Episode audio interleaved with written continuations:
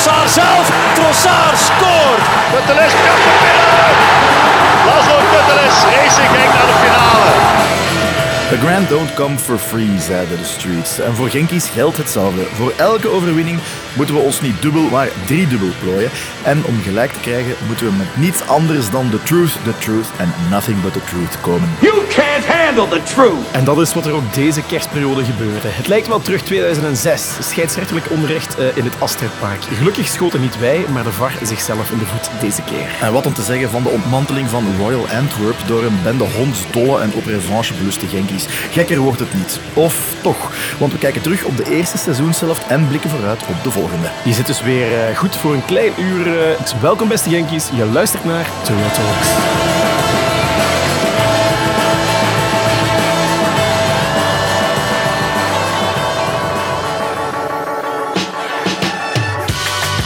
Voilà, the day after. Wim, jij wacht er niet bij, ik gehoord. Jij had uh, jumpingverplichtingen. Terwijl jullie aan het jumpen waren in het stadion, uh, was ik op de kerstjumping in Mechelen. Uh, slecht gekozen moment, maar wie doet nu ook voetbal op een, op een dinsdagmiddag om 1 uur? Dus bij het kopen van de tickets had ik er niet echt bij nagedacht. En aangezien ik ze zelf gekocht had, kon ik er ook moeilijk onderuit. dus ik heb dankzij ja, jullie onder andere, maar ook andere mensen die mij via berichten en filmpjes op de hoogte hebben gehouden, waarvoor dank, heb ik mijn kast daar een beetje op gefritten. Maar was het wel ook wel fijn thuiskomen om dan de match op mijn gemak nog eens in alle rust te, te herbekijken. Dus ik ben op de hoogte en ik heb er evenzeer van genoten.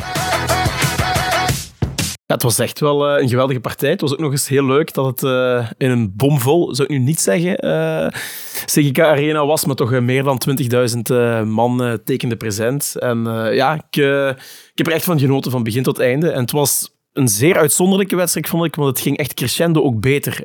normaal zien we altijd dat er toch wel een bepaalde césuur is in ons spel. Hè? Dus een hele slechte eerste helft wordt afgewisseld met een goede tweede helft of andersom. En uh, ja, nu werd het gewoon de hele tijd beter en beter. En, uh, en zag je eigenlijk dat, dat Hirasor alle twijfels van zich af heeft gespeeld. Ik vond dat hij mijn man van de wedstrijd was. Een heel goede invalbeurt van, van Tolu ook die, en we hebben het wel al eens gezegd na die wedstrijd tegen Eupen, als die al zijn energie in een twee à drietal acties kan steken op dit moment, ja, dan lukken die wel allemaal. En dan scoort hij eigenlijk gewoon een, eh, een quasi-replica van die goal op, uh, op Eupen. Dus uh, ja, ik kan er echt niemand uithalen die, die niet ja, op de afspraak was. En ja, echt chapeau voor de jongens. En ik denk dat een revanche ook al voelde het niet echt aan als een revanche, vond ik. Uh, die titelgevloren titelmatch die maakte je niet goed, maar het was gewoon wel eens lekker en het was een goed statement. En ik denk dat we met een goed gevoel 2024 uh, in kunnen. Ik denk ook, weet je, ik kreeg een berichtje, ik was net aan het opzoeken, ik vond het niet direct terug, maar ik kreeg wel een berichtje van, uh, van, van een aantal mensen dat het dat, is, dat de sfeer voor de wedstrijd, dat, er, dat wel iets in de lucht hing. En dat was ook wel te verwachten na, na wat er zaterdag allemaal in Anderlecht geweest, geweest was. Plus het is tegen Antwerpen. Plus het is de laatste match voor de winterstop. Dat is, dat, is, dat is zo altijd wel, sowieso altijd een leuke periode om daar te komen. Dus ehm, zelfs als je naar tv uitgesteld aan, aan het kijken was, merk je dat wel. En ik denk dat de spelers dat ook heel goed hebben opgepikt. Er zat heel veel energie in, er zat heel veel drive in. Inderdaad, wat ik gezegd, er was niemand echt minder. Artiaga stond, stond niet op zijn gewone positie, deed dat eigenlijk heel, erg, heel erg goed.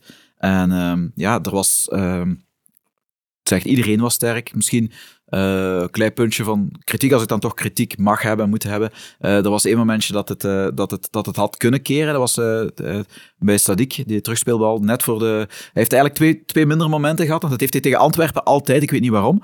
Ehm, maar hij was e-, ene keer speelt hij de bal redelijk hard terug op Maarten, die dankzij zijn goede techniek dat eigenlijk vrij gemakkelijk kan ontzetten. En de tweede keer was net voor de rust, waar hij eigenlijk een, ja, een ziekenhuisbal eigenlijk van op de flank terug naar, naar de dingen geeft. Dus, maar goed, uh, dat, is, dat, is, dat is echt dat, dat zijn, zijn hele kleine puntjes. Het draait ook allemaal heel erg goed uit. Uh, ik, vond, uh, ik, vond, ik vond iedereen heel erg sterk. en dan moeten we misschien ook even heel even kort hebben over Sor. die we, die we, die we, die we met, samen met heel veel supporters en ik op de eerste plaats toch altijd wel gedacht van kijk, dat is, dit is game over, dit gaat het nooit worden. Die er niet toch aan het, aan doorkomen is. de ondergrens is slaag, dat hebben we gezien. Maar goed, als hij dit kan blijven brengen, dan, uh, dan zit er misschien toch nog wel wat in. Inderdaad, want ik, uh, ik vond ook wel dat uh, Sor echt part of the gameplan was. misschien Theo, dan kijk ik al meteen naar u altijd als het over tactiek gaat. Op welke manier heeft Wouter Franke van Bommel misschien toch wel een hak weten te zetten? Ehm, ik denk eh, qua, dat, het, dat het een verhaal was van vooral aanpassen in de wedstrijd. Eh, je zag dat Antwerp heel hoog kwam storen natuurlijk, dus hoedje af wel aan Antwerp dat ze, dat ze dat toch durven komen doen in, eh, in Genk. Eh, een van de redenen, dat is ook een van de redenen waarom dat je heel vaak zag dat ehm, Maarten en Mark McKenzie de bal naar, naar elkaar speelden. Ze willen natuurlijk de, de, de voorlijn en het middenveld van allee, de, de lijnen van, van, van Antwerp uh, uiteentrekken en daartussenin voetballen. Dat is eigenlijk meestal wel goed gelukt. Dus ook, ik hoor heel veel supporters daar rondgrommelen van oh, hij gaat de bal weer kwijtraken. Dat is dus echt bedoeling om de lijnen van, van Antwerp zo uit te trekken. Dus al bij al is dat redelijk goed gelukt. Ehm, en langs de andere kant was het dus dankzij Sor, die in het begin van de wedstrijd in de punt uh, posteerde, dat hij met zijn snelheid eigenlijk heel gemakkelijk twee centrale verdedigers kon dekken. Want buiten dat, denk ik, kan mij ook belachelijk gemaakt, maar ik denk dat wij de, de, de veldbezetting van Antwerpen hebben gematcht en dat we eigenlijk man op man stonden. En dan komt het neer op puur duelkracht. En daar waren we inderdaad, lauwelijk gezegd, crescendo, ging het steeds beter en beter. Maar in de tweede helft hebben we echt, qua duelkracht, dat heb ik nog nooit gezien in Genk. Dat was mhm op alle vlakken beter. Um, dus het is maar ik heb de match uh, niet herbekeken. Ik heb zo de highlights gezien. Dus ik moet de match nog deftig herbekijken om te zien wat is er veranderd in de tweede helft qua veldbezetting. Want ze gaan iets hebben gedaan. De staf, ik weet niet wat, maar iets, iets ik denk heel, heel felle motivatie. Hè? Want um, ik verwijs er graag naar Jan Buitens. Die zei, ja, uh, uh, tijdens de rust, Kevin doet dat en Wouter doet dat. En ik moet me dan bezighouden met de spelers energie geven.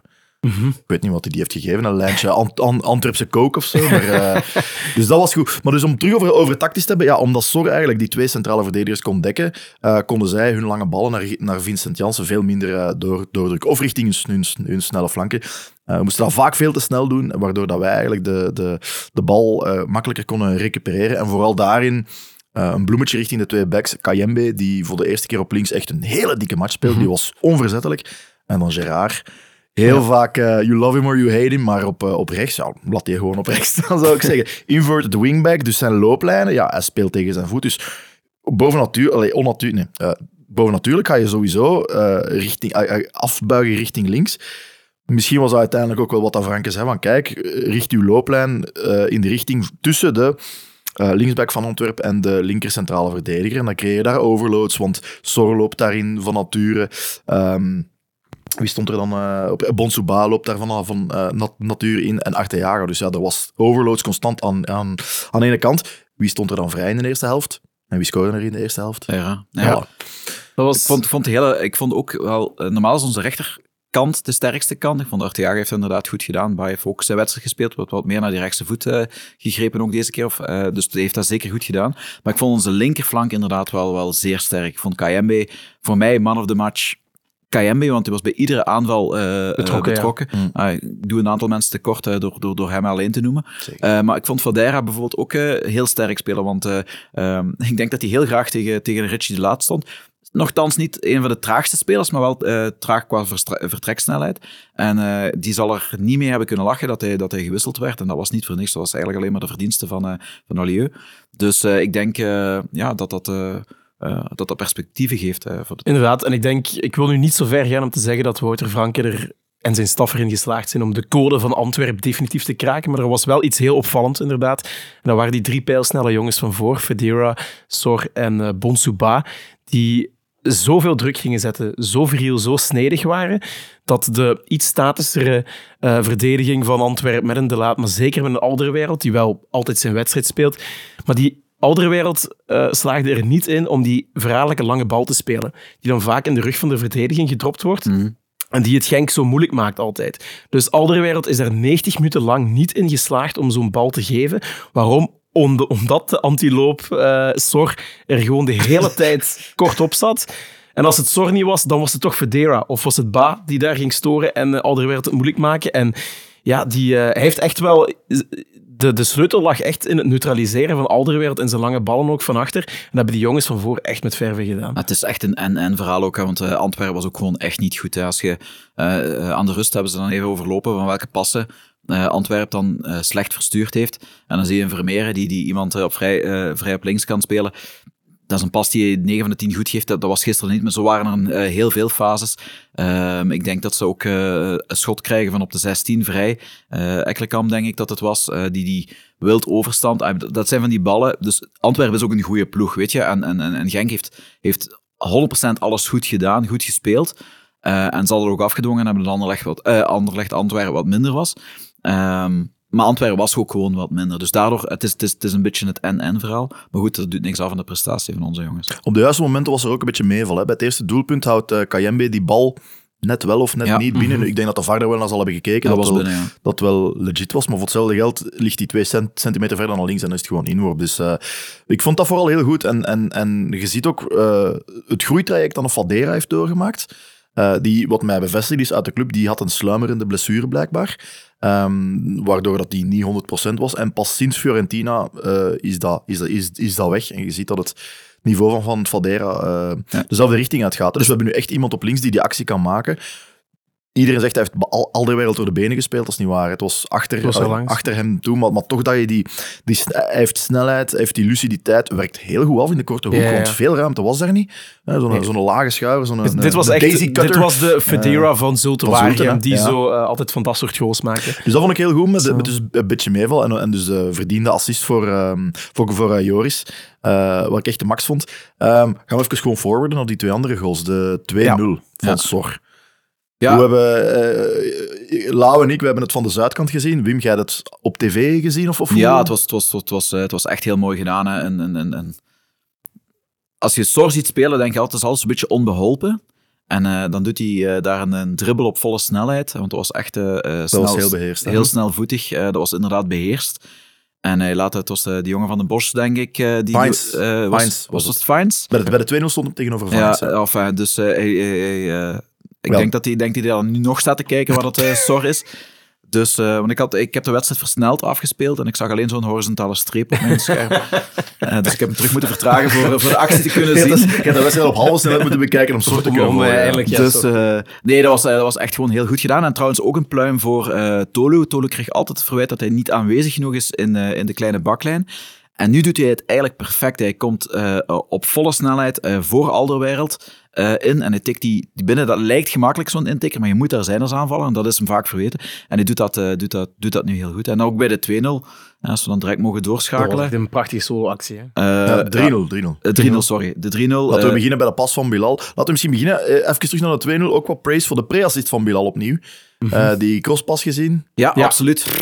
Leek net te hard, maar dan heb je Oh, ook weer zo'n snelle soort die dat toch weer zo gemakkelijk binnenhoudt. Ja. Dus, eh, Ja, ja, ja. dus zelfs als een bal dan te hard komt, maakt het ook gewoon niet uit. want, Maar het was wel heel goed gezien. Doordat hem iets breder werd gespeeld, moest Sor hem iets breder gaan halen. Eh Vines leek niet te knijpen.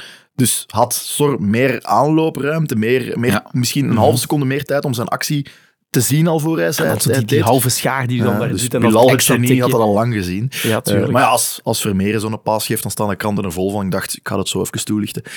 Brengt ons daar de 3-0 en opnieuw de assist van Bilal. Dus Ja. buitenkantje rechts, een banaan. eh, Wesley Song vond het weer te kort waarschijnlijk, maar eh, eh, dat was de vorige keer bij, eh, bij, bij, bij zijn eh, actie tegen kort? Kortrijk. Ja? Tegen, tegen Kortrijk, die bal wat hij geeft eh, bij de 1-0, denk ik. Ja. Eh, dat was toch, we waren er allemaal over eens dat dat een super briljante, su- sublieme bal was. En eh, volgens Wesley Song in extra time was die bal eigenlijk niet goed gegeven, was het eigenlijk zo moeilijk niet. Eh, waarop dat, eh, ik weet niet wie de gast Vertongen, eh, die was gast, dus, eh, de, zei van ik had dan eh, dat wel eens vanuit jouw tijd willen zien. eh, Ja, ja. Nu, Dus Sonk was het gewend om met Skokko te spelen, maar zo'n Ja. bal zie ik Skokko toch ook niet geven. Nee, het Dus, was eh, briljant. Ook deze, ook deze weer buitenkant. Goed. maar dan, heerlijk. dan moet de voortzetting er wel zijn. En dan doet eh, Tolu het wel, wel, wel heel goed. We hebben een mopje gemaakt tegen Eupen. Zit, er, zit er iemand aan de knoppen bij Tolu? Want hij heeft nu die band rond zijn, rond zijn nek. Dus volgens mij zit Mich Ribeiro zit, zit nu in de, in de, in de, in de dugout met, eh, met een afstandsbediening. Zo lijkt Ja. het wel. Want hij is, opeens maakt hij de goede keuzes. En dat doet hij nu ook weer. Hij kapt naar binnen. En dan is het heel erg belangrijk. Kapt naar binnen. Met dat hij kapt, eh, volgt direct eh, het shot op, op doel. En dat is heel erg belangrijk. Hij geeft Hmm. die tijd eh, niet meer aan de verdediger om zich, om zich te, te herpositioneren. Ja. En die bal verdwijnt perfect aan, aan de verste hoek binnen. een Dat is speciale heel- heel kap, want hij zet zijn linkerbeen als steunbeen en dan terwijl, tik, niet zo ex, ex- Nee. explosief, maar heel simpel tikje met die rechter, dat die bal goed ligt en dan die afwerking. Ja, dat was Dat echt- was gewoon Dat is, dat is een een, een, topgoal. een, een, een, een, een, een tergend traag balletje durf ik... Allee, het, was, het was een redelijk Ja. goed shot, maar tergend traag De juiste balletje. manier raken met, met- de juiste curve. Voilà, en dankzij die curve gaat hij rond de hand van Buté in het zijnetje. Dat, dat zijn zo van- delirium in tribune Zuid. Dat Ik ben zijn- dat tien zijn- rijen omlaag gevlogen. Dat zijn zo van die doelpunten, zo, die vallen. En dat is niet zo, maar die lijken in vertraging te vallen. Ja. Dat is zo, je ziet dat gebeuren allemaal. Ja, ja. En dat gaat op zich wel allemaal snel, maar toch lijkt dat we of de slow motion knop opeens Ik, ik, aangaat. ik, ik zag hem vertrekken en ik wist hij is binnen. Ja, hij zit in het, in het netje. Dus dat, is, dat zie je alleen maar echt bij kwaliteitsdoelpunten. Uh, nee, ook misschien over de wedstrijd. Uh, ook een, uh, een individu dat we misschien wel uh, eventjes moeten uitlichten, die zowel niet bij Genk als bij Antwerpen speelde, was de scheidsrechter. Hoe maakte die een beurt, beurt na het vardebakkelen? Moet ook heel wat druk zijn op de schouders van Laforge om er, om er iets van te maken. Hij koos voor de sobere aanpak, liet veel doorspelen, werd gezegd.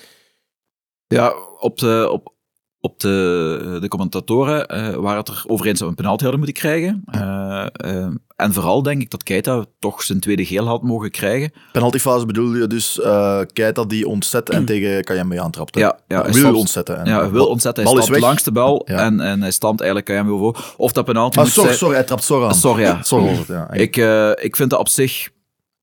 Ja, ik vond de, de fout ervoor op Heine had hij, had hij echt tweede geel zijn tweede geel moeten krijgen. En dat is zo een beetje het nadeel, denk ik, van als je, als je jonge Belg bent. En, uh, dan, ik denk toch dat dat blijft spelen bij die scheidsrechters. Zoiets hebben van, kijk, dat doen we niet. En dan uh, Artiaga, die grommelt één keer te hard en die krijgt direct geel onder. Ja. Terecht, betrekt die lijn dan door en dat mis ik nog altijd. Uh, ja. ik, ik blijf die statistiek heel erg vreemd vinden dat wij van aan de winterstop vorig jaar tot, uh, tot, uh, tot einde seizoen het dubbel van de gele kaarten hebben gekregen van een Union, van een Brugge, uh, van een Antwerpen. Ja, als je nou, terwijl terwijl dat je... veel virilere ploegen zijn dan wij. Maar ik even zo, heb je de wedstrijd Union-Brugge uh, Brugge Union gezien, wat Burgess daar eigenlijk weer ja? en, kan en mag doen? De narratief bij de Brugge supporters is nu hoe wij normaal praten wanneer, wanneer Union bij ons weer vuil komt doen. Ja, ja. Exact hetzelfde. Maar dus om maar te zeggen, ik, ik begrijp maar waar het eindelijk komt komt die druk er ook wel eens op zo'n Burgers. Hè? Ik bedoel, het moet dan via een match van, van, van, van Brugge gebeuren. Maar je gaat zien, ja, oké, okay, nu is het winterstop, valt misschien op, op het slechte moment. Je zal zien dat die scheidsrechters nu er ook weer anders naar gaan Ja, kijken, omdat het wat in het nieuws komt. Maar uh, Munoz is een vuile speler, terwijl ik dat eigenlijk helemaal niet zo vind. Maar hij heeft dat, heeft dat aura rond zich hangen, dat hij, dat hij een vuile speler is. Dus die krijgt gewoon veel gemakkelijker een geel. En als je Spaans spreekt, uh, als ding, dan krijg je sowieso sneller, sneller geel. Nu, ik denk sowieso dat de Genk-spelers daar, daar, daar... Als je Spaans spreekt, krijg je sneller geel. Ja, ik denk, ik denk dat het wordt... Feliz Navidad, hier jong!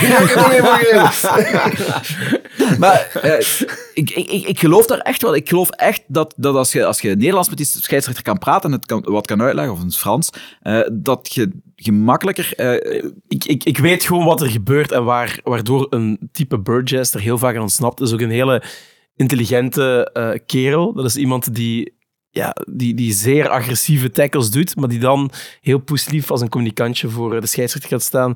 En in een heel mooie retoriek uh, even beargumenteert je, maar nee, kijk, je bekijkt dat mis en ik zal er wel op letten. En zo blijft hij altijd gespaard. En ik kan me inderdaad wel voor de geest halen als je zo, ik zeg maar iets zoals Sadik nu, hè, er was ook die fout met de laat. Ja, hij gaat echt heel assertief naar de scheidsrechter toe dan weet je dat daar een risicofactor in zit om een gele kaart te scoren. Dus ik denk gewoon dat, dat daar het venijn zit mm. bij spelers zoals een Burgess die op een zeer aimabele manier het eventjes aan de scheidsrechter gaan uitleggen. Ik vind wel, ik zou, ik zou echt niet graag scheidsrechter zijn, want achteraf is gebleken, Brian Heijn heeft dat gezegd in een interview met, ik denk het belang, um, dat Laforge uh, rood... Uh, oh, wat zeg ik allemaal? Feestdagen, jongens. Dat Laforge um, voordeel had gegeven. Uh, en achteraf ging Brian Heine een verhaal van, ja, wat was dat? Van, ja, ik heb toch voordeel gegeven en er is een kans uit voortgekomen. Ja. Wat als je nu scoort uit die kans? Mm -hmm. ja, dan is het eigenlijk geen probleem. Mm -hmm. Dus dat vind ik zo'n beetje grijs. En ik denk van, we kunnen moeilijk doen, maar we moeten nu niet moeilijk doen om per se moeilijk te doen. Uh, de penalty uh, fout op Sor uh, leek mij ook gewoon penalty te zijn. Um, maar ik wil maar zeggen, kakken op de scheidsrechter is allemaal goed en dergelijke, maar ik vind buiten die penaltyfase heeft Lardo gisteren goed gefloten. Ook zo. Niet, het, was, het was echt in balans. Um, er, is, er zijn altijd wel wat calls die dan de richting uit kunnen. Maar hij heeft vooral laten doorspelen. En ik denk dat hij heel goed aanvoelde op het veld van wat de energie was en dergelijke. Daar mocht ook wel een bloemetje voor geven. Dus los van die ene penaltyfout ben ik eigenlijk redelijk tevreden. Ja, ik zeg zelfs over die penaltyfout. In mijn hoofd is dat geen penaltyfout. Ik bedoel, als dat met Genk zou gebeuren, zouden ze zo'n penalty Als we nu 1-2 verloren hadden, ja, misschien, misschien anders. Ja. Um, maar fijn, uh, zijn er nog dingen over, over gisteren die we, die we kwijt moeten? Want ja, ja, de superlatieven in de tweede helft. Ja, ik vind dat we onze kapitein toch ook nog eens even moeten oh. vernoemen. Ik, uh, we vinden het allemaal zo logisch dat die, dat die man bij ons op het middenveld daar staat te heersen. Maar als je die balbehandeling ziet, uh, dan vraag je toch echt af welke Duits prut de Tedesco in zijn ogen heeft uh, om, om, om, om hen niet op te roepen. Zeker als je ziet wie er wel wordt opgeroepen. Die man is, uh, ik hoop dat hij levenslang bij ons blijft. Ik betwijfel dat dat zo gaat zijn, maar uh, ik hoop het wel. Ik ken uh, niemand beter, dus misschien een hele niche-specifieke kwaliteit die een speler moet hebben, met een beter zwaartepunt dan Brian Heijnen. Een zwaartepunt leggen ze Ja. uit. De manier hoe hij ballen kan controleren, wanneer hij eigenlijk uit balans lijkt, en dan die bal meteen kan doen vertrekken, vind ik geniaal. Je moet er echt eens op letten bij Brian Heijnen. Hoe hij zich zijn lichaam in balans kan brengen bij, als een soort van ballerina soms, voor het aannemen van ballen en het herspelen, herverdelen. eh, met de rug naar eh, het strafschopgebied van de tegenstrever. Ja, een bal langs links doortikken, perfect wegdraaien. Eh, Brian Heijnen is altijd in balans. Dat is een heel mooi... Het heeft Michel Ribeiro ook trouwens gezegd tijdens de podcast. Maar dat is een heel specifieke kwaliteit van Brian Heijnen waarvan ik ja, niemand ken die, eh, die beter is. Terwijl... eh Daar doe ik een geuze hier, voor eh, op, hè. Op de gezondheid van daarvoor, want, allee, op u, Brian. Dus Die we trouwens deze- hebben gekregen van eh, Team Evers eh, in de vorige aflevering met de gast. Dus dank u wel, Team Evers en KRC, voor deze attentie. Super. Mocht ze nog eens voldoen, jongens? Absoluut. Eh, ik ga even passen. Dus, Gaat maar door. hè. ja. Nee. Ja, nee, ik, ik, ik dit Maar ik denk, ik denk ook, eh, eh, het komt juist met het enige wat jammer is, en als je dan toch eh, eh, iets hebt wat, wat jammer is, is dat het winterstop is en dat we de Afrika Cup hebben. Je voelt eigenlijk, die match op Anderlecht heeft, zo, heeft alles eigenlijk op scherp gezet. Zo. Je Ja. voelt dat, dat, dat er, dat er dat was een beetje misschien wel die deklik wat we uiteindelijk wel moesten maken. Oké, Kortrijk was ook wel heel erg goed. Ehm, maar je had het gevoel dat de schwung er nu in zit. En nu is het echt jammer dat het winterstop is en dat we na de winterstop een aantal jongens gaan verliezen. Waardoor dat, dat weer even gebroken gaat zijn. Dus ik hoop dat we na de, na de winterstop die, eh, die draad terug oppakken en, en, en, en direct terug vertrokken zijn. Eh, voor we misschien doorgaan naar de ja, evaluatie van, eh, dit, van de eerste seizoenshelft en de verwachtingen voor 2024, wil ik toch heel eventjes ehm inspelen naar een jullie mening over het VAR-debakkelen. Uiteraard zijn wij zeer gekleurd eh, daarin en denk ik wel dat we in unisono dezelfde mening gaan hebben. Maar de vraag is, wat moet er nu gebeuren volgens jullie? Ik denk dat de spelregels wel heel duidelijk zijn. Hè? Ja, de procedure eigenlijk. De, de, de klacht is ingediend ehm, bij, bij het referee department. Ik heb eens gevraagd van, ja, wat gebeurt er nu eigenlijk? Hè? Welke, welke stappen gaan we zetten? We hebben allemaal gelezen dat KRC de, de audio heeft opgevraagd tussen, de, tussen, tussen de VAR en de scheidsrechter. Ehm, dus wanneer is het? 5 december, 4 of 5 december, eh, januari, eh, moeten Genk, Anderlecht en de VAR en de, en de scheidsrechter zich komen verantwoorden bij het referee department.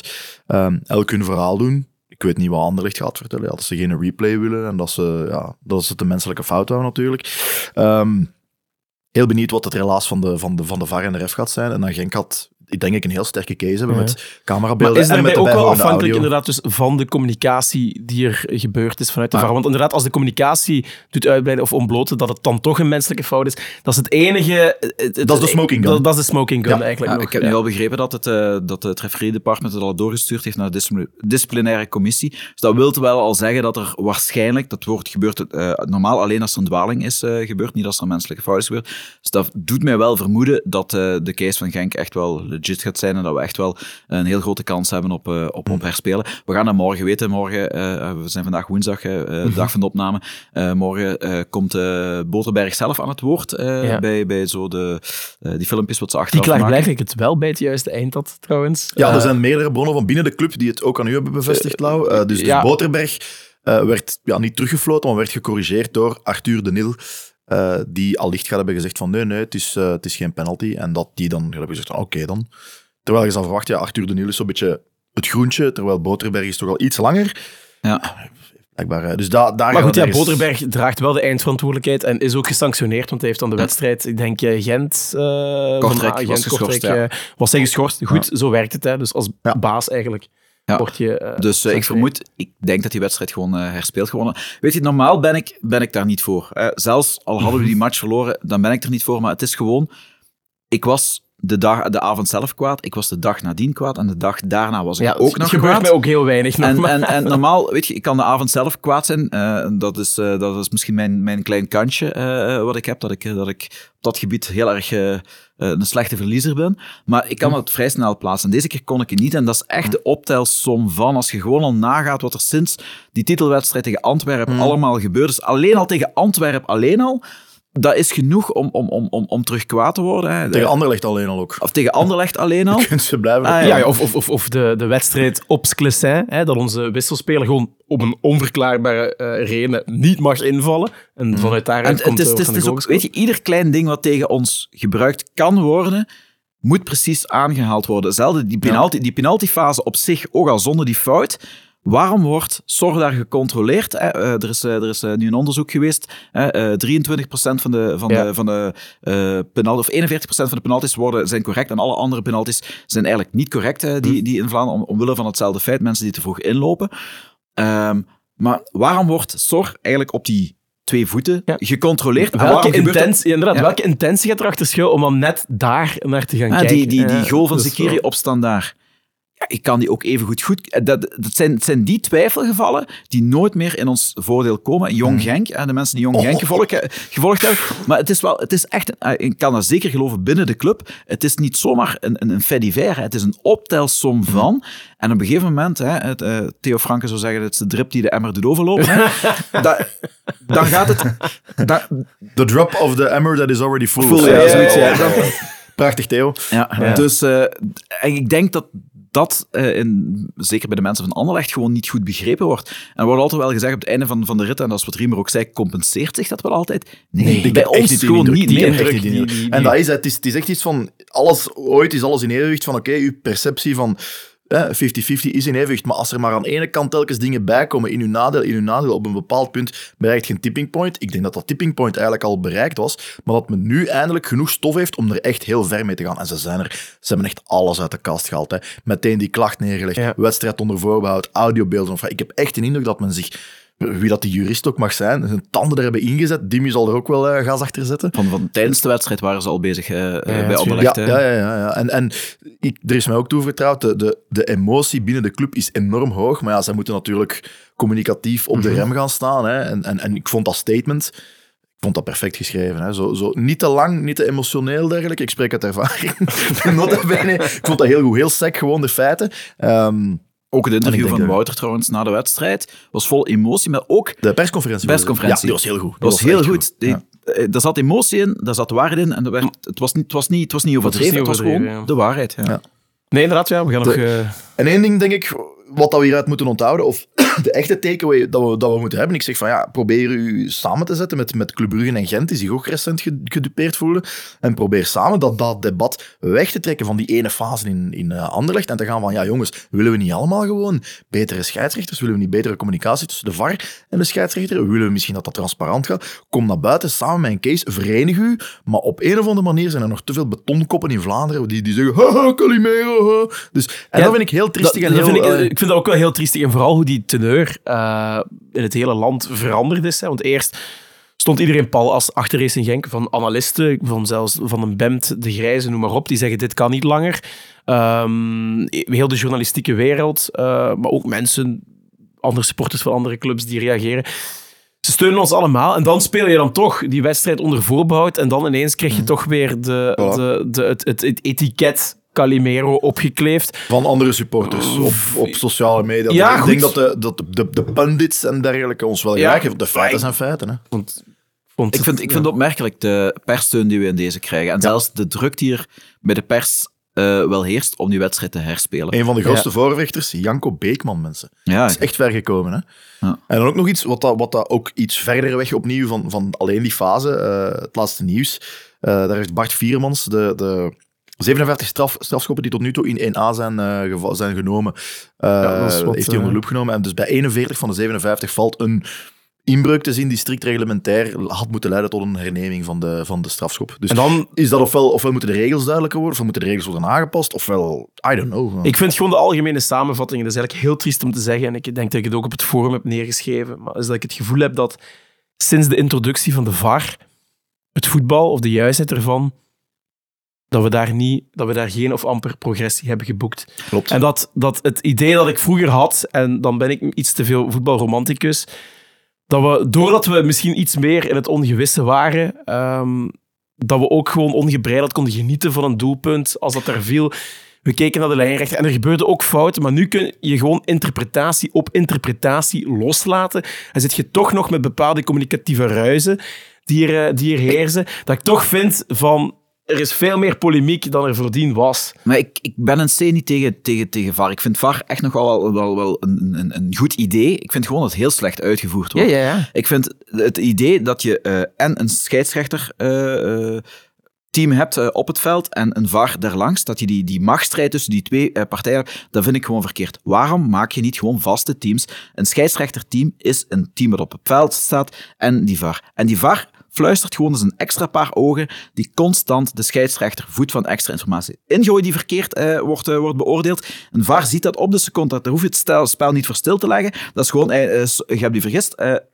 Te- het is uitgooi eh, voor, de, voor de andere ploeg. En de scheidsrechter corrigeert dat. Dat gaat veel sneller gaan eh, als die wat op elkaar ingespeeld gaan worden. Leidt video-referees op specifiek voor dat ding dat, dat daar een boterberg eh, niet meer tegen zijn zin in zo'n busje moet gaan zitten. Want daar gaat het uiteindelijk ook over. Laat, laat die mensen... eh, laat dat een aparte job zijn. Maak daar een gans team van. Mensen geraken op elkaar ingespeeld en we gaan veel minder fouten krijgen. Dus En jij wil dedicated VAR-opleiding. Dedicated VAR-opleiding, dedicated teams eh, eh, samen. En als, je, als die mensen op elkaar ingespeeld, zo lijkt het met lijnrechters en scheidsrechters ook is, dan krijg je gewoon betere Ik, ik blijf er altijd van overtuigd van, kijk, ik kijk heel wat naar de Premier League en daar hebben ze het veel minder aan de hand dan wij bij ons. Het heeft gewoon te maken met de kwaliteit, Kwaliteit, van scheidsrechters, ja, ja. met de manier hoe ze opgeleid zijn, eh, hoe ze om kunnen gaan met de technologie, eh, extra sensibilisering over hoe ze moeten communiceren, wat dat gebeurt.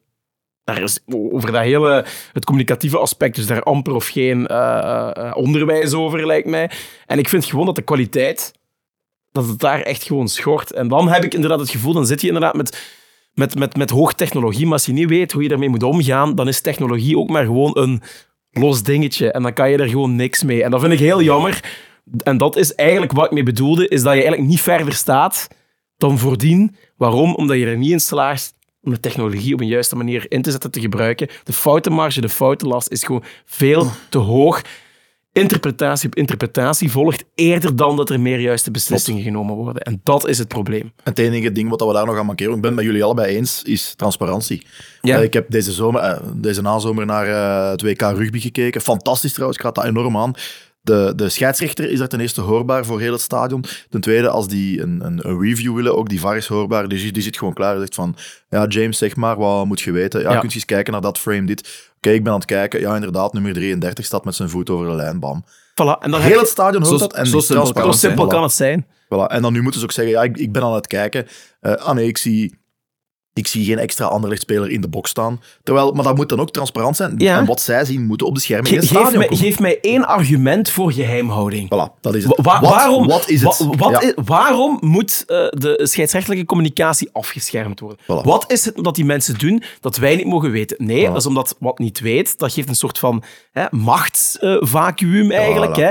En dan kun je inderdaad via dat, eh, wat ik noem, eh, persagentschap, hè, dat het referee department is, zaken die volledig krom zijn, recht praten. Want daar behoud je dat stukje macht dan nog. Maar als alles transparant is, ja, dan sta je natuurlijk volledig in je naki. Maar goed, dan is het maar zo. Dan kan ik me sneller neerleggen bij een menselijke fout als ik gewoon weet van A tot Z wat de beweegreden is geweest daarachter, wat de motivatie is geweest. En als dan blijkt dat er voor mij geen kwaad opzet achter zit, noem maar op, dan kan ik er ook sneller afstand van nemen en vrede mee nemen. Maar het is gewoon door het afschermen op een bijna arrogante manier van informatie en dan het erna maar gewoon recht praten, waar ik het enorm van op mijn heupen krijg. Dus bij deze... Er was nu een groot toernooi, denk ik, waar dat ze gingen experimenteren hè, met scheidsrechters. Eh, het de Afrika Cup of zo? Er is ergens een groot toernooi al sinds waar dat ze nu gaan experimenteren met de scheidsrecht, het geluid van de scheidsrechters Ja. te laten horen eh, in het stadion. Oh, wel, wordt, wordt, wordt hoog tijd. En ik denk ook dus als de drie gebeten clubs, zal ik zeggen, hè, Ander- eh, eh, Gent, Brugge en wij, als die een keer rond de tafel zitten en een soortgelijk gesprek doen en zeggen van mannen, met wat gaan we naar buiten komen, dan heb je een veel groter draagvlak. Is er eindelijk een keer wat samenwerking in- in Vlaanderen op dat vlak en dan gaan we stappen kunnen zetten. Want op deze manier denk ik dat, de, dat ze ene keer door het stof gaan gaan bij het referee department en opnieuw verder. Verder gaan we ook dan misschien best gaan Inderdaad. over eh, de Yes. terugblik op de, op de rest van het seizoen, eh, op de ja, terugblik van de eerste helft kunnen het van het samen seizoen. nemen. Hè? En ook Ja. eh, En, en, en de rest van het terugblik en vooruitblik. Ik ben gisteren eens wel rond geweest bij wat, bij wat ehm, uitgelaten supporters. Eh, het, was, het, was, het, was redelijk, eh, het was redelijk positief, denk ik, maar ik ga ze toch even laten horen. Goeie voetbal. Helaas te weinig punten, maar overwegend wel beter als vorig jaar, vind ik soms. En eh, zeker vandaag met Antwerpen. 3-0. Vorige week tegen Ander, Anderlecht ook zwaar de betere ploeg, maar gaat er niet altijd de punten uit. Het was een jaar dat we zijn door de VAR, maar al bij al, met al die tegenslagen, ondanks Oostende uit, zijn we er toch weer mooi bovenop gekomen. Antwerp, hoerenzonnen! Oké, we hebben heel veel kansen gemist, maar er zullen nog vele kansen volgen. Ik vond het heel jammer dat we dit jaar de titel niet gepakt hebben. Maar eh, dit jaar is ook niet heel geweldig, maar ik zie het wel helemaal goed komen. Ik zie ons wel meedoen voor play-off 1 en misschien voor de Europese plaatsen. Ons seizoen in drie woorden. Details, arbitrage en eigenheid. Details, veel dingen die misgelopen zijn, gelijk de transfer van Onuachu. Waar we gewoon pech gehad hebben. Arbitrage, veel, veel dwalingen van de arbitrage. En eigenheid, blijven het Genkse zijnde, blijven knokken, blijven vechten en blijven ons ding doen. En daarom gaan we een stijgende lijn terug omhoog. Ja, ik bespeur heel veel positivisme en ook veel bier. Bier was een halve prijs, dus ja, inderdaad. Dus, eh, een, een kleine, subtiele, dubbele tong eh, bespeurde ik overal. Maar goed, ik was in dezelfde staat gisteren. Maar ik denk ook wel, inderdaad, toch, nog al, al- toch een redelijk positieve ondertoon. Dus ik denk dat heel wat fans het nog, nog zien goedkomen dit jaar. Wat, wat, wat wel misschien zo is, dat is, het is, omdat het opgenomen is na de wedstrijd, toch wel een redelijk heroïsche overwinning tegen Antwerpen. Dus ik denk dat mensen heel veel ook met de mantel der liefde bedekken. Maar het is ook een tijdje echt niet goed geweest. Ik herinner mij, eh, het is ook nog niet zo lang geleden, die ene week waarin we eigenlijk alles zijn kwijtgeraakt. Europese kwalificatie kwijtgeraakt. Ehm, een hopeloze eh, verlies op verplaatsing bij Oostende, wat niemand eh, had zien aankomen. En dan zie je nu wel hoe een hernieuwde spirit of een hernieuw gevonden eh, narratief, wat het ook is. Hè. Kijk, iedereen is tegen ons, we hebben die VAR tegen gehad. Dat zorgt weer zo voor een nieuw verhaal, waar ik, waarvan ik echt denk dat je daardoor terug opnieuw vertrokken kan zijn. Maar Er was ook het- een, een groepsgesprek na, na, na, na Oostende. Ja. Is er blijkbaar een groepsgesprek geweest. Ik had een vlieg aan de muur willen zijn. Ik had Ja. echt willen weten wat daar en, gezegd en, en dat helpt dan ook weer om daaruit eh, eh, voldoende emotie te putten om Mm. goed dat 2024 in te gaan. Maar ik zit toch nog altijd wel... Ik ben, ben tevreden met hoe het seizoen geëindigd is, met een redelijk frank gevoel dat we nu nog maar op één front actief zijn. En dat had ik eigenlijk niet durven voorspellen, want laten we heel eerlijk zijn... Ah, ja, die uitschakeling tegen Servet, ehm, die uitschakeling tegen Olympiakos, waar we het ook, ook gewoon zelf helemaal weggeven. en daar wil ik het eens een keer eh, eerst, eerst over hebben. Dat is inderdaad een van de dieptepunten van, mensen, van, eh, van mijn seizoen so far. Is hoe dat wij de waterval in Europa zijn afgetotterd. En dan uiteindelijk nog terechtkomen in een best moeilijke groep in de, Europa, in de Conference League. Terwijl we eigenlijk gemakkelijk in de Europa League hadden kunnen verzeilen. En misschien nog een matchje of twee nu na, na de winterstop hadden kunnen spelen. En voor mij is daar de reden, en ik weet niet wat er gespeeld heeft, maar ik heb echt het gevoel dat men gewoon te lang achter Onuachu heeft zitten aanhinken.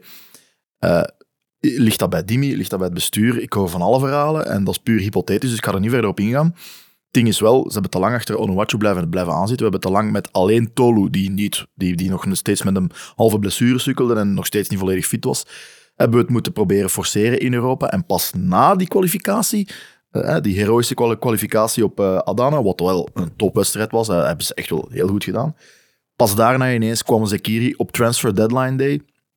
Zekiri die nu is weggedemsterd. Hij had natuurlijk het klassieke recente debuut bij Kaarse Genk voor een eh, spits scoren, wat, Ja. wat, wat top was. Die is daarna volledig weggedemsterd en, en, en nu zitten we ermee. Dus je gaat zowel met Tolu, pas van vorig seizoen, dus dat ga ik buiten beschouwing laten, maar op transfer deadline day nog in alle ruil met een spits afkomen, getuigt niet echt van veel vertrouwen, vind ik.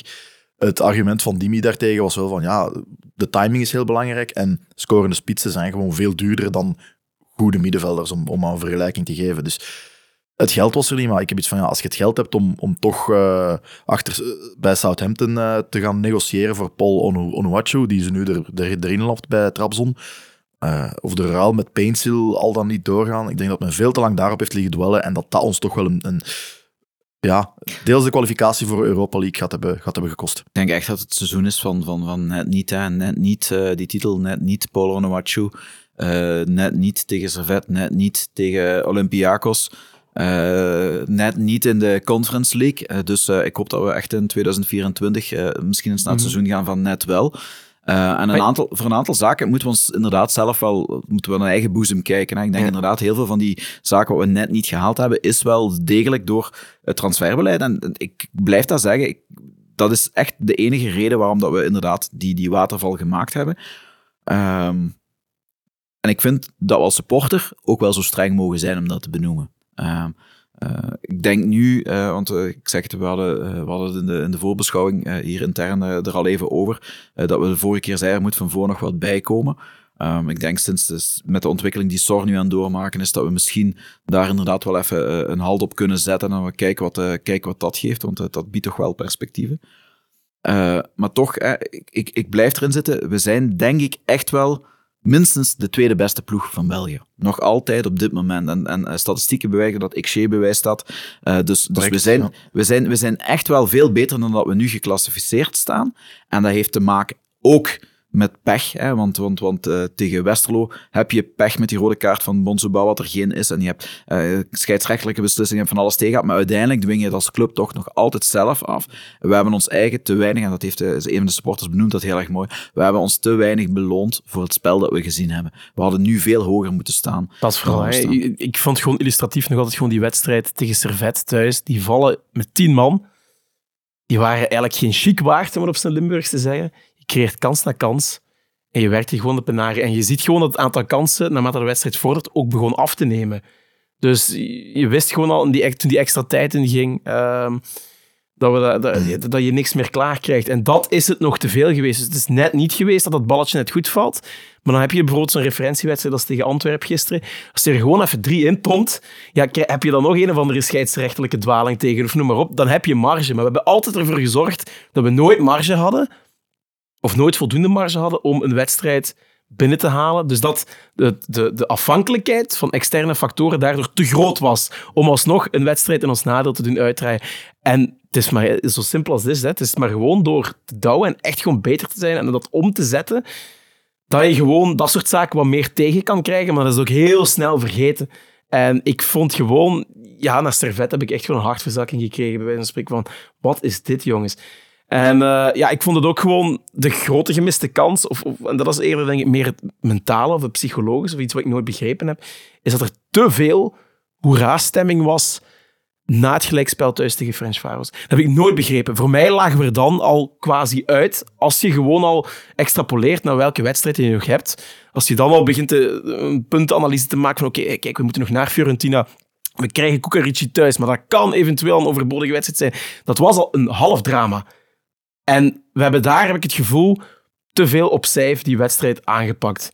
Daar miste ik ook gewoon echt die overgave van vandaag moeten we, moeten we echt winnen. En dat gevoel heb ik nooit gehad. We hebben daar goed tegen gespeeld, onderhouden tegen gespeeld, maar ik heb nooit het gevoel gehad van dit is een wedstrijd beleven op dood voor, eh, eh, voor ons. We zullen het wel eventueel kunnen goedmaken met een resultaat op Ferencváros. En Tactisch dat was, overklast ook, hè, toen. Ja, vond ik ook, ja. En ik, ik vind dat is ook wel nog een beetje eh, de groeimarge die op dit team zit. En die stap hebben we nu. Tegen de match tegen Antwerpen was dat wel duidelijk. Hè, eh, die grinta, wat we altijd zeggen, wat Union heeft, iedere wedstrijd opnieuw. En ze hebben met Blessen natuurlijk ook weer de ideale coach daarvoor. Oh, zeker dat. Ehm, eh, maar die drive, die passie. Je kan talent hebben zoveel als je wilt. En ik denk dat we een van de meest talentrijke ploegen uh, ter wereld zijn. Misschien als je de kern bekijkt, misschien samen met Brugge de talentrijkste kern van, van, van, van heel eerste klasse. Als je die grinta ook nog eens erop legt, die wil, die drang, wat we uh, tegen Antwerpen getoond hadden, tegen Anderlecht eigenlijk ook toonden, uh, dan moeten we van niemand bang hebben. Dus dat vind ik een groeipunt. Een ander groeipunt, en daar hebben we het nog niet over gehad, is, uh, daar blijf ik nog altijd in onze stilstaande fases en onze penalties. Um, mm. Dat zijn ook pijnpunten gebleken, want hoeveel penalties hebben we dit seizoen gemist? Um, ik blijf, ik, ik, blijf dat... Uh, ja, ik weet het niet van buiten, maar Heinen heeft er een aantal gemist, Pijnsel heeft er gemist. En dat zijn ook cruciale momenten in een wedstrijd. Ik blijf erbij, ik snap niet dat Heinen en Pijnsel nog altijd onze strafschopnemer nummer 1 en nummer 2 zijn. Heinen is onze kapitein, heel veel liefde voor de man, dat hebben we al eerder benoemd. Maar penalties nemen, dat zit gewoon niet in zijn bloed. Ik denk niet dat, dat hij bij Genk al één goede penalty genomen heeft. Die ballen vliegen erin, maar die vliegen er nooit strak in het zijnetje uh, uh, in. Uh, dus hij, is, hij, heeft ook ondertussen één of twee penalties gemist. Pijnsel is ook niet betrouwbaar als het op penalties gaat. Heeft zijn, heeft zijn penalties al gemist. En dan hebben we een Bilal bijvoorbeeld zitten. Een jonge gast die ik denk dat dat wel moet kunnen. Die voor, voor zijn marktwaarde trouwens ook een heel goed idee zou zijn. Waarom trainen wij niet op penalties? Dat is, dat is spierreflex, dat is allemaal bewezen. Je kan dat perfect trainen. Ik herinner mij nog de Europese finale tussen. Was het, was het Bilbao? Nee, het was Celta tegen, uh, tegen, tegen een andere ploeg. Waar dat 20 penalties eh, allemaal links het kruis eh, binnenvlogen, bij wijze van spreken. Waarom kunnen we daar in Genk niet eens, eh, niet eens op trainen? Dat we een penalty, want wij, we zijn een aanvallende ploeg, we komen regelmatig in die positie, dat we daar iemand hebben, dat, we, dat als hij zich achter de bal zet, dat we zeker kunnen zijn van kijk, 9 van de 10 vliegt hij binnen. Nu heeft iedere Genk support een hartverzakking als penalty Ja. te pakken. Want Voilà. Ik, maar ik, ik, vond, ik vond het vooral frappant toen ik denk, ja, op Anderlecht, hè, daar zat heel veel druk op. Dan is Brian Heijn wel een coole kikker, hè, psychologisch eh, eh, althans. Maar ik vind toch dat hij zich daar wat heeft laten wegzetten door eh, de intimidaties van Schmeichel. Die daar wat keitjes ging rapen, een minuut, die het maar wat rekte. En dan dat je dan zo slap centraal op doel schiet. maar daar lo- heb je echt laten vangen door Schmeichel. Maar los daarvan, als je de, eh, je krijgt net voor de penalty, krijg je altijd zo de, waar dat de vorige ballen, Ja. eh, er is geen, één, geen enkele, misschien één bal, maar geen enkele bal die mooi in het hoekje gaat. Dat zijn altijd redelijk centrale ballen. En als de keeper En in de heel laag. en heel laag. Als de keeper in de goede hoek ligt, zit hij er altijd bij. En om Karel Hoefkes te quoten, Schmeichel die raakt niet, gaat niet aan de paal. die raakt niet aan de paal. Dus, Dus, eh, volgende keer met, eh, ik- met Maar ik vind, ik vind dat ook. En eh, om, om toe te voegen aan die penalties, onze corners. Wanneer ik, gisteren hebben we redelijk wat corners gehad die, die oké waren getrapt. Hè. We komen van corners die niet voorbij de knieën van de persoon aan de eerste paal geraken. Maar wanneer hebben we nog eens gescoord op de corner? Oprechte vraag. Ik wil niks insinueren, maar weet je wanneer we nog eens op de corner Nee, hebben gescoord? we missen misschien nog een klein beetje lengte, denk ik wel. Ik denk dat dat, wel, denk, dat, dat, dat, dat, wel, dat dat ook wel meespeelt. Maar neem je corners ik- dan altijd kort. Ja, altijd. Maar dan Kort. mis ik inderdaad variatie. Ik mis Er ook is, bij, er is, er een, een, een boek trouwens, en dan ga ik u laten, laten- uitspreken. Er is een boek, ik weet niet meer van wie, maar eh, de, de titel van dat boek is Alle corners moeten kort genomen worden. Of zoiets. Ja. En dat is een, een voetbalboek. Ik heb, dat, ik heb meegedaan aan een voetbalmanager podcast eh, een paar weken geleden, van, ook van waar dat een Genkie bij zit. eh, FMU podcast, shameless plug. Daarin wordt dat aangeraden en die zegt, er is een, een statistisch onderzoek gedaan dat eh, een, als een corner kort wordt genomen, dat de, ehm, dat, de, dat de kans groter is op een doelpunt. En een van de meest er legendarische doelpunten uit de geschiedenis van KRC Genk is genomen op een korte corner. Ja. Ja. Dus, Ik snap het wel. om het te zeggen, maar terug naar u, Wim, sorry. Ja, ik en denk- dan gaan we... Ik denk inderdaad ook, ook, ook stilstaande fases. Dat is allemaal hetzelfde. Ik, ik, ik merk geen variaties. Ik merk daar... En terwijl dat stilstaande fases in het moderne voetbal zo belangrijk worden, denk ik echt wel dat dat iets is waar we als club nog mee aan... Ik zeg, daar zal ongetwijfeld rond gewerkt worden, hè, eh, qua positionering. Ik geloof wel. Maar ik heb nooit eens iets vernuftigs gezien. Ik heb nooit eens iets nieuws gezien. En dat moet allemaal, dat moet allemaal niet met driehoekjes en hetzelfde wat zijn. Maar ik mis variatie. En dat wordt voor de tegenstander gewoon te makkelijk. En het moderne voetbal zijn net die fases zo belangrijk dat we daar misschien wel wat meer het verschil kunnen maken in het nieuwe jaar. Ja, en ook gewoon die van Mike Tresor, die werden perfect aangesneden. Hè? De juiste snelheid, altijd van die vlottende ballen. En de, de, de, de, de, de corners die we nu trappen, die zijn inderdaad ofwel te laag, maar het zijn zo van die hele slappe boogballetjes die heel gemakkelijk zijn voor eh, de keeper om aan de tweede paal ook gewoon op te Maar mis- pikken. misschien zit daar ook wel een beetje de oorzaak van het probleem. We zijn de corners en de vrije trappen van Mike Tresor, Ook wat een wapen op zich eh, Ja. was. Die naar gewend- gingen. Ja. Ja, ja, ook nog iets, eens- iets, iets dat- te streng geweest van mijn kant uit, maar Dat, inderdaad. dat, moet je, Ja. dat moet je inderdaad niet bijsturen. Dat Ja. is gewoon perfect. Maar als je dat wapen niet meer hebt, moet je misschien gaan zoeken Daarmee kunnen we misschien wel een bruggetje maken naar eh, 2024. Eh, hè, we zeggen het nu al, eh, al wel natuurlijk nog één ding zeggen, de positiviteit Ja, ja, eh, tuurlijk. eh, van, van eh, vorig seizoen. eh, sinds, het, eh, sinds het groepsgesprek hebben we gezien dat er wel wat verrassingen bij zaten. Hè. Fadera en Sor waren quasi afgeschreven. Kijk waar ze nu staan. Ik vind dat dat ook wel zaken zijn die we, die we, niet, mogen, die we niet mogen negeren natuurlijk. Ehm, al bij al, eh, de vraag is dan, ja, de kern, is die sterk genoeg nu om mee te doen? Eh, dat is dan meteen ook een bruggetje naar 2024. Is die sterk genoeg om mee te doen voor play-off 1? Eh, ik- ja en nee. Ik ga daar meteen een kanttekening bij maken. Ehm, ja, omdat ik geloof dat er voldoende spelerspotentieel is om op één front actief te zijn. Dat je opnieuw dat verhaal kan creëren met, met Wouter Franke, die op maandag begint aan een training en die de wedstrijd voorbereidt. En er is op dat moment niets anders dan die ene wedstrijd die voor je ligt. Ik denk dat we daarvoor voldoende spelerskwaliteit eh, in huis eh, eh, hebben. Dus ik volg wel ook de redenering van er moet alleen iets bij als er iets vertrekt. Ik ben gewoon benieuwd. Ik stel eerder de vraag ja, naar de ontwikkeling van bepaalde spelers toe. Bijvoorbeeld zo'n Luca Oya. Hij gaat wel, denk ik, door de Afrika Cup even kort zijn kans krijgen. Maar ik, ik denk niet dat, dat, ja, dat die tijd zo groot is of voldoende is om zich volledig echt te manifesteren. Want hij komt van ver. Daar heb ik wel zoiets van, dringt daar een uitleenbeurt zich niet op. Ik heb me laten vertellen dat hij daar ook wel, toch wel open voor, eh, voor zou staan. Dus ik ben eerder benieuwd naar wat er daar speelt. Gaat eh Arteaga naar eh, Club Amerika? Ik bedoel, hij heeft zijn goede wedstrijden gespeeld, maar ik denk als hij hem kan verkopen en je kan hem minstens hetzelfde bedrag voor terugkrijgen, moet je het gewoon altijd doen. Eh, dan zou ik zeker zeggen vanuit de reactie, ja. Uh, zeker met het feit dat onze spitsen zich nu wel, wel aan het ontwikkelen zijn. Hè. Toli komt erdoor, Sorg komt erdoor. Dat, dat was toch echt wel de, de prangende vraag. Um, denk ik wel dat we voor ja, nog één wedstrijd per week te spelen wel voldoende gewapend zijn. Ik denk, uh, ik denk, ik denk zelfs dat we wat te te veel gewapend zijn. Ik denk inderdaad, het enige, want ik denk dat uh, Wouter nu meer en meer naar een vaste elf uh, terug gaat grijpen, waar ik persoonlijk wel, wel, wel voorstander van ben. Uh, dan moet je wel zien dat, dat ja, dat je geen strubbelingen ja, gaat dat, krijgen. Dat je, dat je de tevreden van, van, van, van, mensen die, die er wat vaker langs gaan vallen. op zich houdt dat de concurrentiescherm. Als uw kern te breed wordt, kan dat in de kleedkamer soms ook wel eens negatief werken. Uh, ik zie het al sinds wel zitten. Ik denk dat we in de breedte zeker uh, een van de sterkste uh, spelerskernen van, hebben van de eerste klas. Dat heb ik net gezegd. dus ik denk echt wel dat we alles in huis hebben om, om tot het laatste mee te doen. We staan op 14 punten van, van Union. Dan zijn er 7 na de halvering. Als we daar nog wat van kunnen afknabbelen tegen de kant, dan zie ik zelfs, als we dat onder de, onder de 6 kunnen brengen, dan hebben we het zelfs in eigen handen in, in de playoffs. Dus uh, ik schrijf ons zelfs nog niet af voor de titel. En dat leeft ook wel bij heel veel Genk-supporters. Ik spreek dat zelf niet uit. Ik denk echt wel dat, we, dat, we, dat, uh, dat er geloof er nog wel altijd is. Alleen de foutenmarge wordt, wordt iedere keer wat kleiner. Um, ik denk dat we goed door die Afrika Cup uh, moeten komen, wanneer we wat belangrijke spelers uh, missen, dan is er dan inderdaad een andere jongens om, om op te staan. En, en, uh, dat is de vraag, gaan zij, gaan zij verder kunnen op, op die positieve flow die nu is gestart? Gaan, zij dat, gaat een ooie mee in die, in die positieve flow meteen komen? Dat is dan de vraag, want zij gaan het dan ook moeten trekken natuurlijk. Ja, ik ben wel content dat hij open staat voor een, voor een uitleenbeurt, uiteraard. Uh, met die Af Afrika Cup in januari gaat hij inderdaad een drietal weken zijn, zijn kans krijgen. Maar het kan nog altijd zijn dat op de laatste dag in januari alsnog wordt uitgeleend. Wat heel vaak gebeurt. Hè. Um, dus, maar ik denk dat we wel allemaal hopen dat Ooyen op lange termijn toch bij Genk gaat blijven. Of Absoluut. is het voor sommige game over?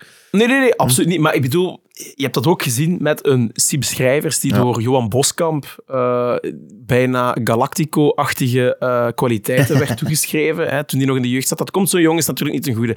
Luca heeft daar ook een beetje last van gehad. Hè. Die is door zijn fenomenale passage bij de belofte, bij de jeugd, ja, is die altijd op een voetstuk gezet. En, en ging het misschien soms ook wel net iets te gemakkelijk. En nu komt hij in een ander soort voetbal terecht. Hij, voor het eerst moet hij echt terugknokken lang in blessure geweest. En dat is, dat is een heel ander iets. Dat is ook een heel mentaal-psychologisch aspect. Dus of hij echt gaat slagen of nog... Ja, of dat zijn plafond toch nog iets lager gaat liggen. Dat hij mhm. eerder gewoon een goede onderhoudende uh, middenvelder wordt op, op, op Belgisch niveau. Dan moet het, dat gaat de toekomst uitwijzen. Uh, ik vind dat je dat nog altijd niet kan zeggen. Uh, maar dit is wel gewoon een heel belangrijk kruispunt in zijn ontwikkeling. Gaat hij nu de, de, juiste keuzes maken? Ik denk dat een uitleenbeurt echt goed is. Kijk naar een Leandro Trossard, hè, die ook op iets latere leeftijd nog die volledige doorontwikkeling heeft gedaan. Dan zit het erin. Gaat hij nu de foute keuzes maken? Uh, misschien pakt hij nu zijn kans bij Genk, maar misschien blijft hij nu ook bij Genk en, en lukt het nog niet. Dan is hij heel veel tijd aan het verliezen die nodig is om te slagen. En in het profvoetbal red je het niet alleen met intrinsiek, ik weet niet hoe goed talent, want hij zit nog altijd op dat vlak bij de betere je gaat ook goede keuzes moeten maken. Dus voor hem is het nu heel belangrijk om uh, even holistisch na te kijken van oké, waar ben ik aan toe? Wat kan ik doen? Op, welke manier ga ik heel snel stappen zetten? Nou, georiënteerd heel goed. ligt gewoon aan hem, hij, hij. moet die uitleenbeurt willen. En er is een reden waarom dat Wouter minder en minder op hem vertrouwt. Ik, denk, ik, ik, vertrouw Franke daar 100% in. Absoluut, en ik denk inderdaad dat het uh, misschien ook niet eens goed is om eens heel even onder die vleugels, die warme beschermende vleugels van KRC Genk, ja. en heel even uit te komen en heel even te proeven van wat het, uh, wat het echte voetbal uh, nog is. Ehm, dus dat gebied, het heeft andere voetballers ook al goed gedaan. Dus ik denk dat voor, voor hem misschien ook wel eens goed is. Want inderdaad, ik ik heb, het, ik heb ook het gevoel dat het niet alleen maar kansen krijgen is. Uh, ik denk ook het gevoel dat hij uh, ja, dat tandje moet, uh, moet bijsteken. En, dat, en ik geloof echt dat hij dat kan. Ja, maar dan moet inderdaad, het lijkt mij goed om dat eens ja, in een andere omgeving te proberen. Opnieuw maar goed, wie weet, inderdaad, uh, zoals uh, Theo eigenlijk juist zegt, hè, uh, hij gaat zijn kans nog krijgen voordat hij mm. uitgeleend gaat worden, waarschijnlijk. pakt hij ze daar en, en, en misschien mm. komt Vadera nooit meer in de ploeg. Dus dat. En dan, ja, om, om eigenlijk af te sluiten, transferwindow, ik denk dat we vooral uitgaand moeten kijken. Hè. Uh, Arteaga zou dus uh, allicht kunnen vertrekken naar Club Amerika, als die genoeg betalen. Uh, en dan Luca misschien uitleenbeurtje, maar voor de rest zie ik ook weer redelijk weinig volk vertrekken, tenzij er een dik, een dik bond binnenkomt. Ja, Aziz, Aziz waren ook aan het denken. Ja, maar ja. ja, Aziz ja, die gaat natuurlijk heel weinig kansen krijgen, want het wordt zelfs alweer voor een Galarza, die heel sterk in het seizoen start, ook alweer moeilijk om in die ploeg te komen als je maar één wedstrijd per week speelt. Dan is Aziz echt wel echt overbodig aan, het, aan het worden. Arteaga opvangen, dat denk ik dat redelijk gemakkelijk kan, omdat je inderdaad ook opnieuw maar één wedstrijd per week speelt. Ka- Kayembe is nu je nieuwe nummer één en dan moet je opnieuw gewoon een beloftevolle speler die, die, die met wat groeipotentieel, eh, ja, die, is, zich, die zich in een eh, half seizoen kan inwerken, eh, aantrekken. Dus daar zit volgens mij toch iets minder druk op, net doordat eh Kayembe zich zo aan het manifesteren is. Ja. Dus, dus daar denk ik wel dat, dat het snor zit. Ik heb me Eh, laten vertellen dat er eh, iets op til is met een, een, een linksback te huren van een Duitse eerste klasser. Eh, voor het geval dat Arteaga zou vertrekken en Kayembe zit dan op de Afrika, Afrika Cup met, met we toch dat we toch iemand op, op linksback hebben. Maar er is nog heel weinig concreet zien. En voor de rest, denk ik, moet je niks verwachten. Zolang dat er geen grote vogel vertrekt, gaat er niks, maar dan ook niks binnenkomen. Dus Oké. beleef u een rustige januari, want er gaat, er gaat heel weinig te rapen zijn, denk ik, op dat vlak. Allee, oké. Goed, maar dat is, eh, ik, ik zeg het, als we de huidige kern samenhouden, dan moeten we in principe wel gewapend zijn om die strijd aan te gaan. Voorwaarde dat onze drie spitsen zich wel blijven doorontwikkelen, want eh, dat is echt wel cruciaal, denk ik. Ja, Eh, voilà. Slotvraag voor 2024. Zijn we goed bezig? Ja of nee? Wim? Geen ja, maar ja of nee? Ja. Blauw. Terug. Wat een speciaal. doen, Nee, nee, bedoel, eh, we zijn terug on track, maar we hebben er niet genoeg uitgehaald. We zijn onder maats geweest. Maar dat is ook gewoon omdat de, de maatstaf heel hoog, eh, hoog ligt bij Racing Genk. En dat is door het goede werk die de Condé en dergelijke al gedaan hebben. Maar dus we zijn onder de verwachtingen gebleven, maar we zijn het net op tijd aan het keren. Ik heb eh, Dus alles rapporten kan. geschreven net voor, de, net voor de vakantie en eh, dit keer zou ik erop zetten. eh, behoorlijk gewerkt, maar je kan beter. En er zou, is misschien en er zou zo een mooi stickertje zo op, het, eh, op de toets geplakt worden. Voilà, voilà. Bij mij zijn ze, zijn, ze, zijn ze er ook wel door. Het was een, het was een moeilijke zomer. Ook die, die, die nederlaag thuis tegen Eupen heeft er toch ook op ingehaakt. Dat me, eh, even eh, zwaar geweest, Oostende. Maar ik vind sinds- sindsdien is er duidelijk een groeiverhaal. Je ziet dat de kern naar, naar elkaar toe groeit. Dat die jongens het weer, weer voor elkaar doen. De staf heeft er volledige controle over. Dus ik, vind, ik kijk er naar uit naar het volgende jaar. En voordat, we, eh, voordat ik jullie allemaal het, eh, het nieuwe jaar instuur, wil ik wel nog even stilstaan bij een, een, eh, een iets minder leuk nieuwtje gisteren. Wie aanwezig was op de wedstrijd heeft het gezien. Het was ook daar dat ik het voor de eerste keer hoorde, maar Jean-Claude Van Rode is, is overleden na een slepende ziekte. Wie is Jean-Claude Van Rode, vraagt u. Ja, dat is een ex-bestuurder van KRC Genk, maar niet zomaar een. Is een van de founding fathers van KRC Genk. Ze zijn in totaal met z'n acht of negen, denk ik. Ehm, niet meer allemaal, helaas. Dus Jean-Claude... Wat maakt hem speciaal? Hij wordt eigenlijk algemeen aanzien als de, als de, ja, de uitvinder van de naam Koninklijke Racing Club Genk. En dus KRC Genk, Racing Genk. Ehm, ten tijde van de fusiegesprekken in 1988 werd hij, eh, hij is een geboren Vilvoordenaar, die wel soms naar voetbal ging kijken. Hij ging zowel naar KV Mechelen als Racing Mechelen kijken. Hè. Dus je kunt wel misschien raden van waar dat komt. En hij werd opgebeld door Tiel Gijzelink en hij vroeg van, ja, eh, Jean-Claude, ehm ken jij iets van voetbal? Hij zei, nee, totaal niks. Ah, perfect, dan ben jij de man die ik nodig heb. Eh, is hij zo eigenlijk eh, bij, de, bij, het, bij, bij het clubje gekomen, eigenlijk, hè, bij, de, bij, de, bij de ronde tafel, waar dan twee mensen van, van Tor zaten en twee mensen van, van wie van Winterslag. Ehm, en dan ging het over de namen en dat was lacherig. Ja, ja, aha, winterslag en, eh eh, winterschij en waterslag en dergelijke. Maar dan uiteindelijk is hij recht, recht gestaan, er zo'n flipchart gelopen en zegt van, kijk mannen, eh, we zijn toch allemaal van Genk. Allee, die heeft gewoon Genk opgeschreven. Ja, we zijn toch allemaal van Genk. Ja, dat vond iedereen oké. Maar dan, oké, de naam. Ja, de K heeft hem dan geschreven. Ja, koninklijke, omdat het stamnummer eh 3322 was, bestond 25 jaar, denk ik, of 50 jaar Vijf- moest vanaf hij bestaan. 25 jaar krijg je Ja, dus daar waren ze het ook snel over eens. Ehm, en dan begon het, hè. ja, misschien ja, Koninklijke eh, Sporting Genk, maar dan was het KS Genk. En ja, met alles wat er met de, met de mijnen gebeurd was, vonden ze dat ook niet zo ideaal. Dus dat hebben ze rap afgevoerd. Eh, er was nog KFC, maar ze vonden dat zo raar klinken. Er waren sommigen die, die, die Gemini wouden, voor, omdat het twee tweelings eh, ja, dorpen toen nog waren die, die samen smolten. Maar dat vonden ze nog wel klinken gelijk een, een amateurclub en die wat een profclub moest zijn. Erika was ook iets. Dat was dan een, Erika is een bloempje dat in de heide bloeit. Dat heeft ook Eh, zoiets. Voilà, Vlaamse dat, vonden ze voetbal. Allemaal zo, ja, dat vonden ze allemaal zo onnozel klinken. En dan zei Jean-Claude, ja, waarom pakken we eigenlijk niet Racing? Ik ging soms een keer kijken naar Racing Mechelen en als die daar het veld opkwamen, dan zeggen ze, allee Racing, allee Racing. En ik vond dat goed klinken, zei, zei die. En al die mannen, oh ja, dat is goed. Dat is goed. Dus dan hadden ze KR. En dan hebben ze achteraf de C. Dat, was, dat is eigenlijk niet, niet, niet, niet duidelijk uit de, uit de overlevering, moet ik nu zeggen. Eh, hoe dat de club eraan toe is gevoegd. Dat zal misschien redelijk snel zijn gebeurd. Ehm, En zo heeft, is, is hij dus eigenlijk de man die racing... Dus elke keer dat er racing, uh, Forza Racing, door het, uh, door de, door het stadion galmde, ja, moet die man enorm trots zijn geweest. Uh, we hadden het plan om, om dit seizoen nog, ehm, zowel Jean-Claude Van Rode als dan Bert Verbrugge, want Bert Verbrugge is de man die de clubkleuren heeft uitgevonden, samen uit te nodigen in een, in een special. Want ja, de, de man die de naam en de man die de clubkleuren heeft uitgevonden, kun je niet meer doen. Helaas is het niet meer mogelijk, dus ook via deze weg ons diepste medeleven aan, aan iedereen die Jean-Claude kende en, en lief had. We gaan eruit gaan met een, uh, met een liedje, uh, een gepast liedje voor uh, Jean-Claude en voor de rest Genkies, maar vooral ook Wim en Lau. Ik wil jullie het beste wensen voor het komende jaar. Ook voor u. Wederzijds. Zowel persoonlijk vlak, dankjewel, als voetballend vlak en aan alle luisteraars van hetzelfde. We gaan er een lap op geven en tot volgend jaar, tot de volgende The Real Talks. But oh, I remember how you used to shine back then.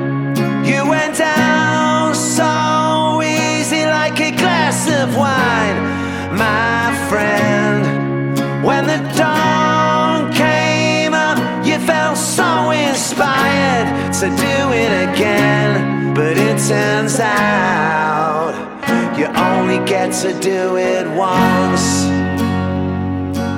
I think it's true what they say that the dream is borrowed You give it back tomorrow.